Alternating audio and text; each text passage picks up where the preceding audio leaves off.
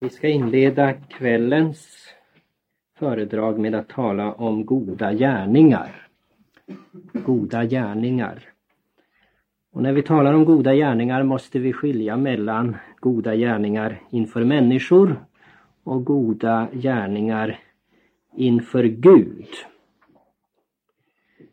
Gud ogillar ofta det som människor tycker är gott och som människor prisar. Och vice versa så struntar människor i och föraktar det som är gott i Guds ögon. Och människan är inte kompetent att avgöra vilka gärningar som är goda inför Gud, som är behagliga för Gud. Det är endast Gud som kan avgöra det och det läser vi också i Mika 6.8. Vad som är gott, det har Gud kungjort för dig, o människa. Det är två ting som är nödvändiga för att en gärning ska vara god inför Gud. Det första är att den ska vara en, enligt Guds ord, i enlighet med Guds lag. Och för det andra, den måste också utgå från rätt motiv. Det första är alltså att en god gärning måste vara i enlighet med Guds i Bibeln uppenbarade vilja. Det glömmer ofta människor, de gör egna bud, ställer upp dem och kräver att människor ska rätta sig efter människobud om det ska vara gott. Vi läser i Matteus 15.9 Fåfängt dyrkar de mig eftersom de läror de förkunnar är människobud. Det är Guds ord som är den enda måttstocken för vad som är goda gärningar. Vi läser i femte Mosebok 5.32 Så håll nu och gör vad Herren er Gud har bjudit er. Ni ska inte vika av vare sig till höger eller till vänster. Och gärningar som utförs i enlighet med andra måttstockar är inte goda gärningar är inte en rätt gudstjänst. Det är en fåfänglig gudstjänst. Och då hjälper det inte om man har ett gott uppsåt bakom. Ett gott uppsåt kan inte förvandla en lagöverträdelse till en god gärning. Nej, lydnad är bättre än offer och hörsamhet bättre än det feta av vädurar. Första Samuel 15 22 det var alltså det första, att goda gärningar måste vara i enlighet med Guds i Bibeln uppenbarade vilja. Det andra, det är att goda gärningar måste utgå från kärlek till Gud. Och kärlek till Gud finns inte hos den icke troende. Utan tron är det alltså möjligt att göra goda gärningar, gärningar som är goda inför Gud. Inte ens de gärningar som stämmer med Guds lag är verkligt goda gärningar om de gjorts i otro. Om de gjorts under tvång, om de gjorts därför att de är befallda, om de gjorts därför att man är rädd för straff eller om de gjorts för att man ska bli belönad. Fariseernas allmosor och böner behagade inte Gud. Det gjordes i högfärd i självrättfärdighet. Matteus 6, 1-5. Det är tron på Kristus som skapar kärlek till Gud, kärlek i hjärtat. Och det är denna kärlek som yttrar sig i goda gärningar. Kärleken är lagens uppfyllelse, står det i Romarbrevet 13.10. Och då kan vi formulera nästa rubrik. Den icke pånyttfödde kan inte göra verkligt goda gärningar. Den som inte är född på nytt kan inte göra verkligt goda gärningar. Det icke troende kan till en viss grad foga sig efter lagens bokstav och sålunda åstadkomma en yttre borgerlig rättfärdighet. Och de kan också bli prisade av människor för människokärlek, moralisk oklanderlighet, ärlighet. Och detta därför att en människa ser på det som är för ögonen men Herren ser till hjärtat. Första Samuel 16.7. Det är hjärtats hållning som avgör en gärnings etiska värde. Det enda motiv som Gud erkänner det är osjälvisk kärlek, kärlek till Gud. Och en sån kärlek kan endast finnas hos den människa som vet att Gud är nådig för Kristi skull. Som förlitar sig på Kristus, benådningen för hans skull. En sån kärlek är alltså en frukt av tron och den finns därför bara hos de troende. Jesus säger om någon förblir i mig och jag i honom så bär han mycket frukt. Ty mig förutan kan ni intet göra. Johannes 15.5. De som tror på Kristus däremot, de beflitar sig om att rätt utöva goda gärningar. Pauli ord i Titus 3.8. De pånyttfödda har fått en ny människa som vill göra goda gärningar. Och så kommer tron att synas i gärningar. Trons ljus kommer att lysa fram inför människorna i många goda gärningar. Matteus 5, 16. Och i Concordieformen kan vi läsa följande. Så länge människan icke är pånyttfödd men söker hålla lagen och av fruktan för straff eller traktan efter lön gör gärningarna. Därför att de är påbjudna står hon ännu under lagen. Sådana gärningar kallas av den helige Paulus lagens gärningar i egentlig mening därför att de på trälars vis tvingas av lagen. Och det som gör dem är Kains helgon, det vill säga hycklare. Men då människan pånyttfötts genom den heliga Ande och frigjorts från lagen, det vill säga blivit fri från denne pådrivare och leds av Kristi Ande, så lever hon efter Guds oföränderliga vilja sammanfattad i lagen och gör allt i den mån hon är pånyttfödd av fri och villig ande. Detta kallas icke lagens gärningar i egentlig mening utan andens verk och frukter. Concordieformens sjätte artikel, paragraferna 16 och 17, bekännelseskrifterna sidan 606. Så kommer vi till nästa rubrik. Det är inte allt som en kristen gör som alltså är en god gärning. En kristen har alltjämt kvar sin gamla människa, gamle Adam, som inte är ett dugg bättre hos en kristen än hos en icke-kristen. Kanske en del som tror det, att den gamle Adam är lite bättre hos den kristne. Allt som utgår från en kristens kött, det är ont och syndigt. Romarbrevet 7, 14 till och med 23.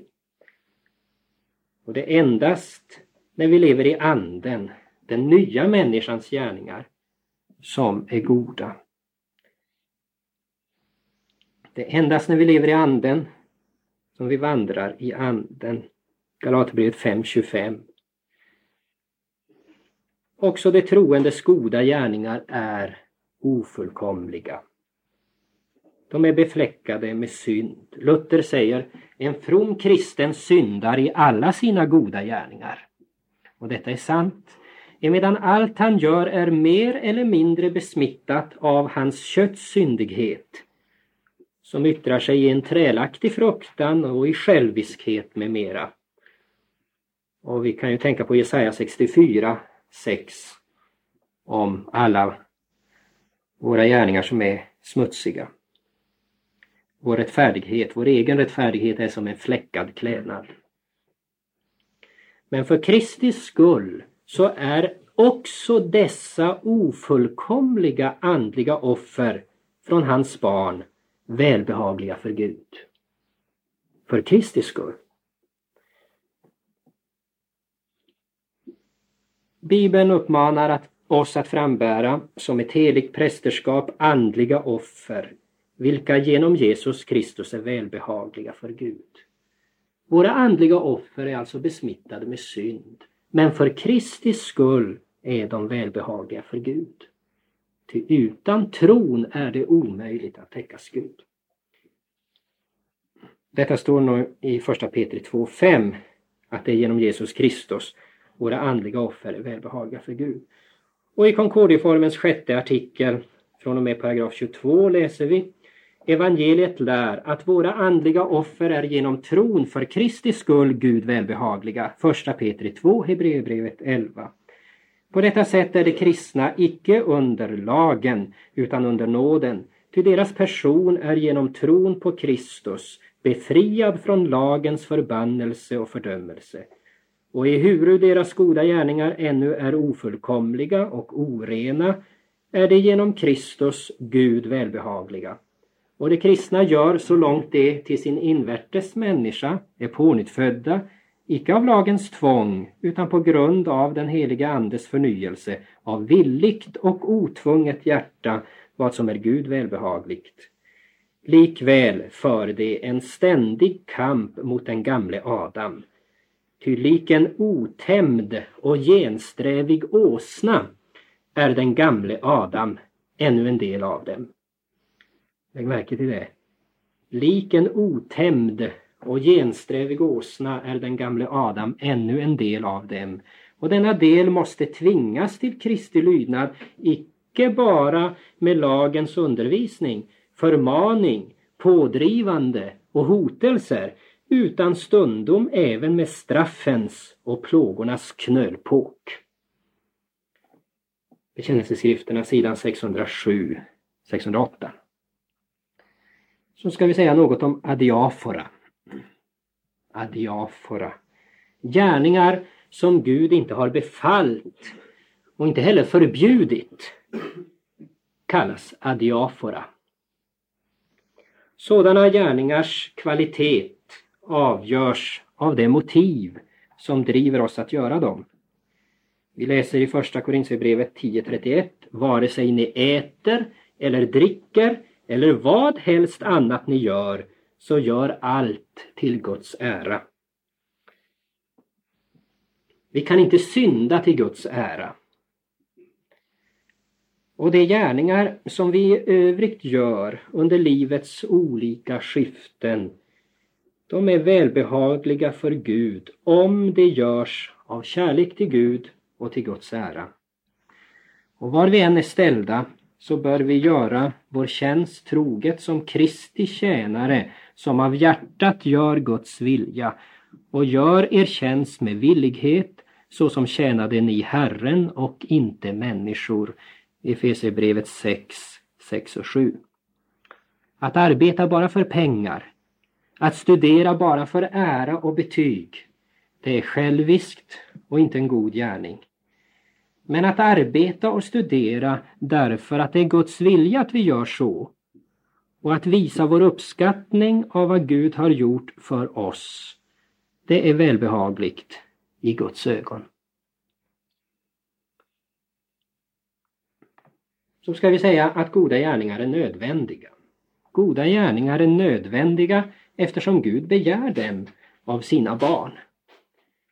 Matteus 5.16, Andra Korintierbrevet 9.6 och 8 och Titus 2.14. Gud begär av oss att vi ska göra goda gärningar och då ska vi göra det.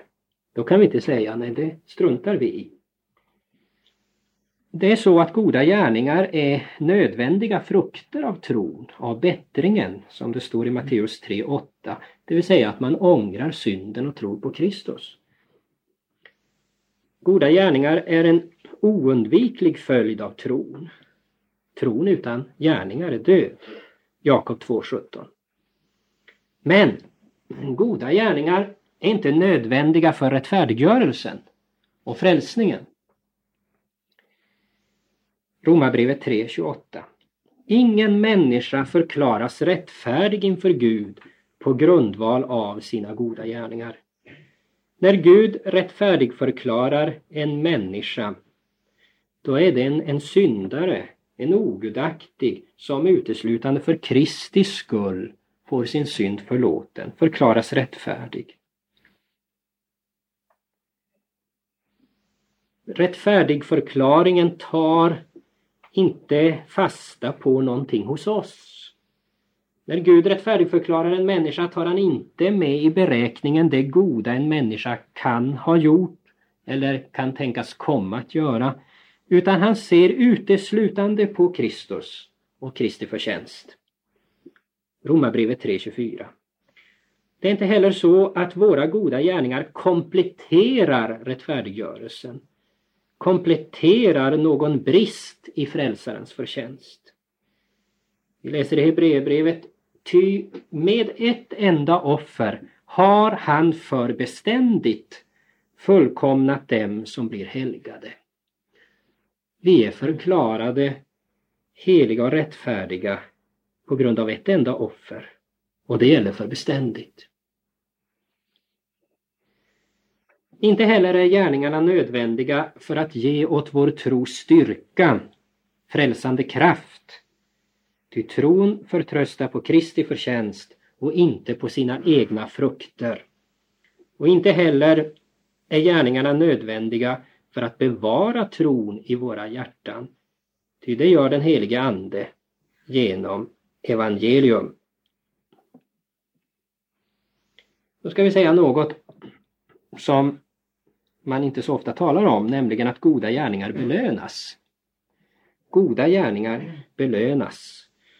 Lönen för goda gärningar, det är inte en lön som vi har förtjänat. Det är inte någonting som vi kan kräva som vår rätt. Vi läser i Lukas 17.10. Sammalunda, när ni har gjort allt som blivit er befallt, då ska ni säga vi är blott ringa tjänare. Vi har endast gjort vad vi var pliktiga att göra. Lukas 17.10. Och dessutom är ju våra bästa gärningar ofullkomliga, som vi nyss sa. Och skulle vi dömas efter deras förtjänst så skulle vi endast förtjäna fördömelse. Det får alltså aldrig bli vår avsikt att förtjäna någonting genom våra goda gärningar. Ty denna vilja förstör med ens deras karaktär som goda gärningar. Men inte desto mindre så har Gud lovat att rikligen belöna våra goda gärningar. Er lön är stor i himmelen, säger Jesus, Matteus 5.12. Du skall få din vedergällning vid det rättfärdigas uppståndelse. Lukas 14.14. 14. Guds fruktan gagnar till allt. Den har med sig löfte om liv, både för denna tiden och för den tillkommande. Första Timoteus 4.8. Detta är en lön, inte av förtjänst utan av nåd, som Gud inte är skyldig oss och som vi inte kan kräva som vår rätt, utan som han utlovar och ger fritt åt sina barn och helt och hållet av nåd. Gud kan ge oss särskilda välsignelser i detta livet. Ordspråksboken 19.17 eller om ni tänker på fjärde budet, hedra din fader och moder så att det går dig väl och du må länge leva på jorden. Han kan ge oss välsignelser i detta livet. Och också i himmelen. Och då består denna lön i en högre grad av härlighet. Matteus 25, 14 30, Lukas 19, 12 26, Andra Korinthierbrevet 9, 6. I apologins fjärde artikel, paragrafen 194, talas det lite grann om det här. Där står det. Vi lär att de goda gärningarna inte förtjänar syndaförlåtelsen, nåden eller rättfärdiggörelsen. Till detta mottar vi endast genom tro. Men väl andra lekamliga och andliga belöningar i detta livet och i det tillkommande. Ty Paulus säger var och en ska få mottaga sin lön efter sitt arbete. Belöningarna ska sålunda vara olika efter de olika arbetena. Bekännelseskrifterna sidan 134. Och jag kanske här ska tillägga en kort kommentar till första Korintierbrevets tredje kapitel där eh, som eh, apologin här hänvisar till. Där eh, läser vi ju den som planterar och den som vattnar, den ene är som den andre. Dock så att var och en ska få sin särskilda lön efter sitt särskilda arbete. Det är vers 8. Och så står det vidare. Ty vi är Guds medarbetare, ni är ett Guds åkerfält, en Guds byggnad. Efter den Guds nåd som blev mig given lade jag grunden såsom en förfaren byggmästare och en annan bygger nu vidare därpå. Men var och en må se till hur han bygger därpå. Ty en annan grund kan ingen lägga än den som är lagd, nämligen Jesus Kristus. Men om någon bygger på den grunden med guld, silver och dyrbara stenar eller med trä, hö och strå så ska det en gång visa sig hur det är med vars och ens verk. Den dagen ska göra det kunnigt, ty den ska uppenbaras i eld. Och hurudant vars och ens verk är, det ska elden pröva. Om det byggnadsverk som någon har uppfört på den grunden blir beståndande så ska han undfå lön. Men om hans verk bränns upp, då ska han gå miste om lönen. Själv ska han dock bli frälst men såsom genom eld. Det är till och med den femtonde versen. Den här bibeltexten har en del människor undrat över, haft svårt att förstå. Och den har också missbrukats.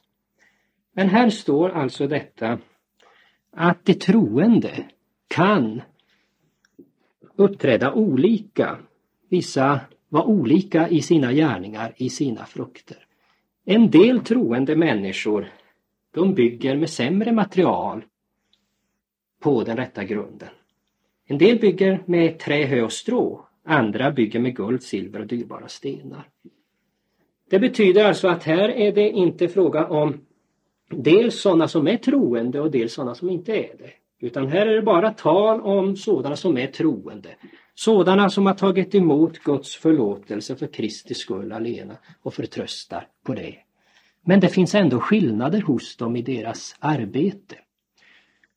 Det finns kristna som eh, kan vara ovisa i sin evangelisation. Kan eh, sköta sitt kristna arbete sämre och det finns andra som har verkat på ett riktigare och bättre sätt. Och därför förmanas vi här att som kristna på grundval av tro och på ingen annan, ingen annan grund kan ju läggas att bygga med det rätta materialet.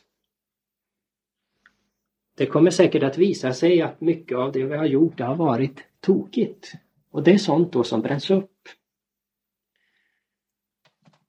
Och här ser vi då att det blir olika lön.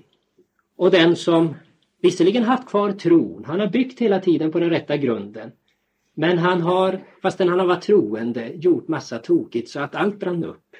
Han blir ändå frälst. Naturligtvis på grund av Kristi förtjänst som han har tagit emot.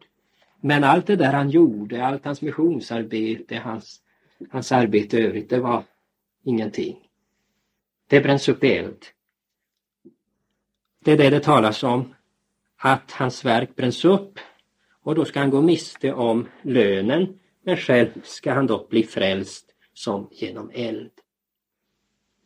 Medan den som har byggt då med, med guld och silver och ädla stenar. Han får också lön därför.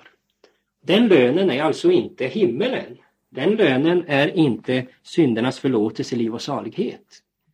Utan om himmelen, syndaförlåtelsen, nåden och rättfärdiggörelsen, där är det någonting som vi får och inte alls förtjänar genom några goda gärningar.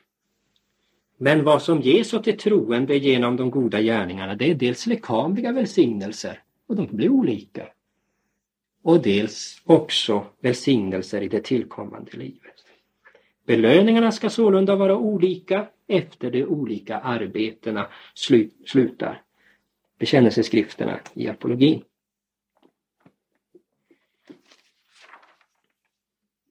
Därmed hinner vi gå in på nästa ämne ikväll lite grann.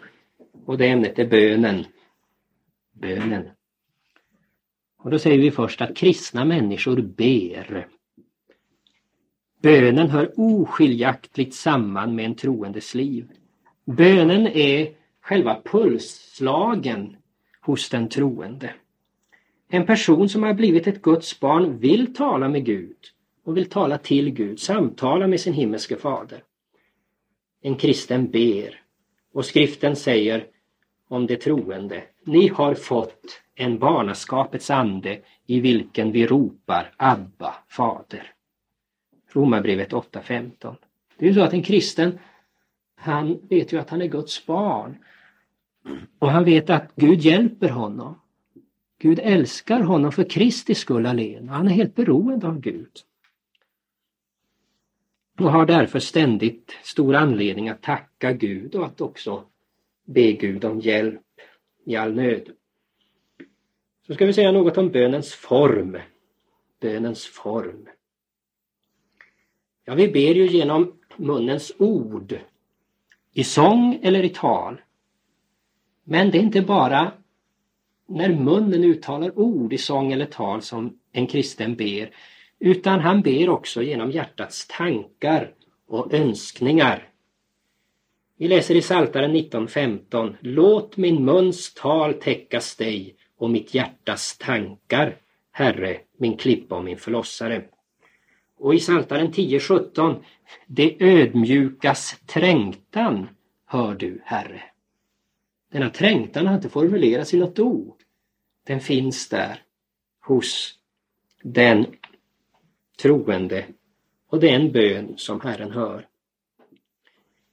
Alltså även när vi inte är engagerade i, i bön så att det syns och medvetet så finns alltid hos de kristna en bönens ande. De är alltid i bönens ande, alltid tacksamma för den barmhärtighet de har fått och de är alltid beroende av Gud för hjälp. Och som aposteln säger, under ständig åkallan och bön så att ni alltjämt beder i anden. Efesierbrevet 6.18. Om Guds ande som bor i det troendes hjärtan läser vi i Romarbrevet 8, 26, 27 så kommer också anden vår svaghet till hjälp. Till vad vi rätteligen bör bedja om, det vet vi inte. Men anden själv manar gott för oss med outsägliga suckar. Och han som ransakar hjärtan, han vet vad anden menar. Ty det är efter Guds behag som han manar gott för det heliga. Det var något om bönens form. Så något om innehållet i bönen. Vad har bönen för innehåll? Ja, den innehåller tack, tacksägelse. Och den innehåller också begär. I våra böner tackar vi Gud och prisar honom för det välsignelse vi har fått. Men vi begär också ting av Gud i bönen. Vi ber om sådana ting som vi behöver för kropp och själ. Gör er inte ett bekymmer, utan låt i allting era önskningar bli kunniga inför Gud genom åkallan och bön med tacksägelse. Filipperbrevet 4.6. Vi som kristna ska inte vara bekymrade. Vi är befallda att kasta ifrån oss våra bekymmer och låta Herren ta hand om dem. Han ska bära dem. Så kommer vi till själva grundvalen för bönen. Bönens grundval. Försäkran om Guds nåd i Jesus Kristus, det är förutsättningen för bön. Utan den så vore det förmätet av en syndare att komma inför Gud med en begäran. Utan den skulle ingen bön från en människa bli hörd. Vi har Kristus att tacka för att vi får närma oss Gud i bön och lägga fram våra behov för honom. Endast när vi förlitar oss på frälsarens förtjänst då rör våra böner Guds hjärta. Vi läser i apologins fjärde artikel, paragraf 333. Vår bön förlitar sig på Guds barmhärtighet.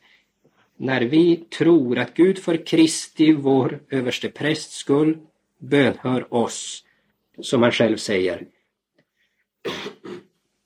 Vad helst ni ber Fadern om i mitt namn, det skall han giva er. I mitt namn, säger han, ty utan denne vår överste präst kan vi icke ha tillträde till Fadern. Bekännelseskrifterna sid 163. Och av denna anledning är det otroendes bön helt och hållet fåfänglig, meningslös.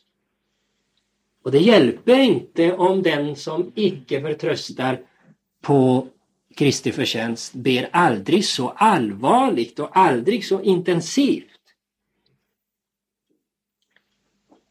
Om någon, står det i Ordspråksboken 28.9, om någon vänder bort sitt öra och inte vill höra lagen så är till och med hans bön en styggelse. Innan en person verkligen kan bedja till Gud så måste han genom tron inträda i ett rätt förhållande till Gud. Och sålunda kan inte en oomvänd person bedja före sin omvändelse. En oomvänd kan skrika ut sin nöd, kan ropa, kan bedja på det sättet att vi ser att han beder. Men det är ingen kristen bön. Det är ingen bön som blir bönhörd. Ty utan Kristus och hans förtjänst kan vi inte närma oss Fadern. Vidare ska vi säga att våra böner måste rikta sig till den ende sanne guden, den treenige guden. Och det betyder inte att alla tre personerna särskilt måste nämnas i varje bön som vi ber. Vi vet ju av Fader vår, Herrens bön, att den riktar sig till just vår Fader i himmelen. Och den kananeiska kvinnan riktar sin bön till Jesus, Matteus 16.22. Vilken person inom treenigheten som vi än nämner i våra böner så måste vi vara medvetna om det faktum att vi ber till den enda sanne guden, den treenige guden, som uppenbarat sig för oss i Bibeln. Och det är därför som man måste bedja också i Jesu namn. Jesus har själv sagt den som inte tror på honom och ärar honom, ärar sonen, han ärar inte heller fadern. Gud är den ende som kan och vill höra våra böner. Saltaren 65, 3. Saltaren 50, vers 15. Och om vi när vi ber skulle ha i åtanke någon annan Gud, oberoende av vad vi kallar honom, då syndar vi emot det första budet. Du ska inga andra gudar ha jämte mig, jämte den enda sanne guden som är den treenige guden. Många böner är fåfängliga just därför att de inte riktar sig till den enda sanne guden. Vi vet alltså när vi hör grova villolärare, de må vara präster eller biskopar eller vad de än är, men de känner inte Kristus. De förnekar honom. De förnekar Bibelns ord. De tror efter sitt eget huvud istället. Men de ber och förrättar gudstjänst. Då vet vi att de deras böner är fåfängliga. De ber inte till den enda sanne guden. Vad är det då som driver oss att bedja? På den frågan kan vi ge tre svar. För det första, vi drivs till bön genom Guds nådiga inbjudan. Vi drivs till bön genom Guds nådiga inbjudan. Gud säger sök mitt ansikte Psaltaren 27.8. Han inbjuder oss att vända oss till honom. Och vidare, åkalla mig i nöden så vill jag hjälpa dig. Psaltaren 50.15. Denna inbjudan och direkta befallning den bör uppmuntra oss att bedja. Och att inte göra det, det är synd. Nu kan känslan av personlig ovärdighet vilja hindra oss att bedja. Men så skulle det inte vara. Se på publikanen. Han insåg sin ovärdighet. Han ville inte ens lyfta upp sina ögon mot himmelen. Men inte desto mindre så bad han. Gud, var barmhärtig mot mig syndare. Och hans bön blev hörd. Lukas 18, 13, 14. För det andra, vi drivs till bön genom Guds löfte att höra oss. Gud har lovat att höra oss. Bed och er ska bli givet. Matteus 7.7. Var och en som beder han får. Matteus 7.8. Herren är nära alla dem som åkallar honom, alla dem som åkallar honom uppriktigt. Han gör vad de gudfruktiga begär och hör deras rop och räddar dem. Saltaren 145, 18 och 19. Och det här är inga tomma löften. Och det är löften som driver oss till att bedja. Och för det tredje, vi drivs till bön genom våra egna och vår nästas bekymmer och nöd. I nöd söker vi hjälp. Herre, i nöden har de nu sökt dig. De har utgjutit tysta böner när din tuktan kom över dem. Jesaja 26, 16. Då kan vi ställa frågan, vad får vi då bedja om? Kristus säger, allt vad ni ber om och begär, tro att det är er givet och det ska ske er så. Markus 11.24. Och Paulus skriver, låt i allting era önskningar bli kunniga inför Gud genom åkallan och bön med tacksägelse. Filipperbrevet 4.6. Vad som än bekymrar oss, vad som än trycker oss, så bör vi inte ge oss hän till en bekymmersfull ängslan utan istället ta våra bekymmer till Herren.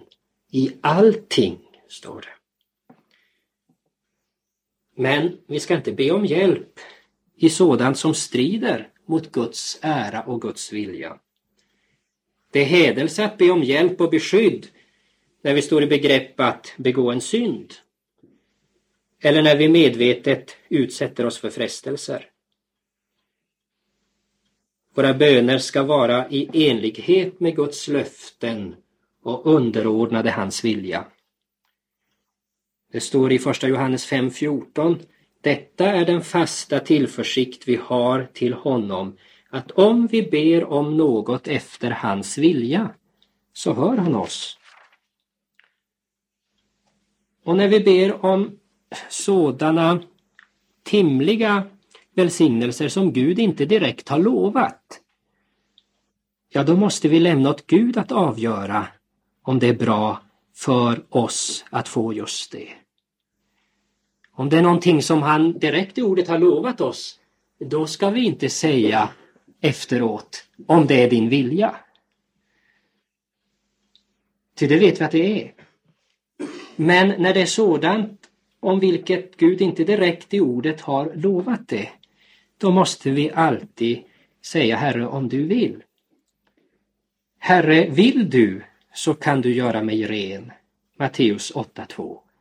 Det kunde ha varit Guds vilja att han fick behålla sin spetälska. Kanske behövde på det sättet tuktas. Det kunde ha varit till stor nytta för honom. Det vet Gud bäst. Och därför ber den troende Herre om det är din vilja. Jesus själv bad, dock ske inte min vilja utan din, Lukas 22.42. Men också i sådana ting ska vi inte bedja med tvivlande hjärta. Utan vi ska vara vissa om att Gud också vill bönhöra dessa böner på ett sätt som är bäst för oss. För vem ska vi då bedja? Ja, vi ska bedja för oss själva, vi ska bedja för andra och vi ska inte bedja för de döda. Rövaren på korset, publikanen och de spetälska, de bad för sig själva. Och på samma sätt får vi bedja för oss själva. Men vi ska också bedja för andra. Så uppmanar jag nu framför allt Därtill att man må bedja, åkalla, anropa och tacka Gud för alla människor. Första Timoteus 2.1. Vi bör bedja för föräldrar och barn, för regering och land, för präster och lärare i kyrkan, för missionen, för alla som är i nöd, också för våra fiender. Matteus 5.44. Men vi ska inte bedja för döda. Ty Gud har varken befallt sådana böner eller lovat att höra dem. Vi bör göra gott för människor och bedja för dem medan de lever. När de är döda så kan varken våra gärningar eller våra böner bli dem till något gagn. Den romersk-katolska kyrkan lär ju att man också ska bedja för döda. De brukar då som stöd andra Makabeerboken 12, 42-45 som enligt deras mening tillhör de kanoniska skrifterna. Därmed så får vi stanna ikväll och fortsätta nästa gång och tala om hur vi ska bedja och var och när vi ska bedja och om bönens verkan.